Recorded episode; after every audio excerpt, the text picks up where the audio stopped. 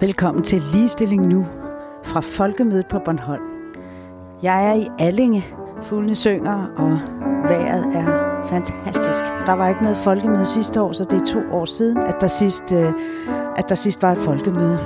Folkemødet i år er bare helt anderledes end de folkemøder, vi ellers har set. Det er noget med billetter og zoneopdelinger og alt muligt. Det er den ene ting. Den anden ting er, der er kun en brøkdel af de mennesker og de organisationer, der plejer at være til stede på folkemødet.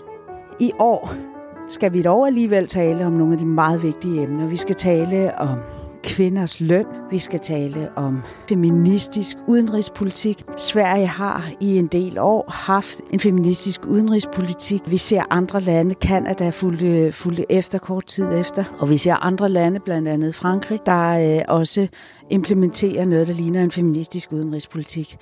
I morgen skal vi tale om vold og vold mod kvinder og Istanbul-konventionen. Jeg har tidligere lavet øh, en meget spændende podcast med Yildiz Akdogan omkring, øh, omkring Istanbul-konventionen og, øh, og Tyrkiet, der er trådt ud af den. Her på Folkemødet skal vi tale med Danner om, øh, hvad det vil sige, øh, at covid-19 og lockdownen har betydet, at mange flere kvinder er blevet udsat for vold og trusler i deres eget hjem. Og det er sådan, at FN faktisk har kategoriseret det som en pandemi i pandemien. Det og meget mere kan I høre mere om i de kommende episoder af Ligestilling Nu.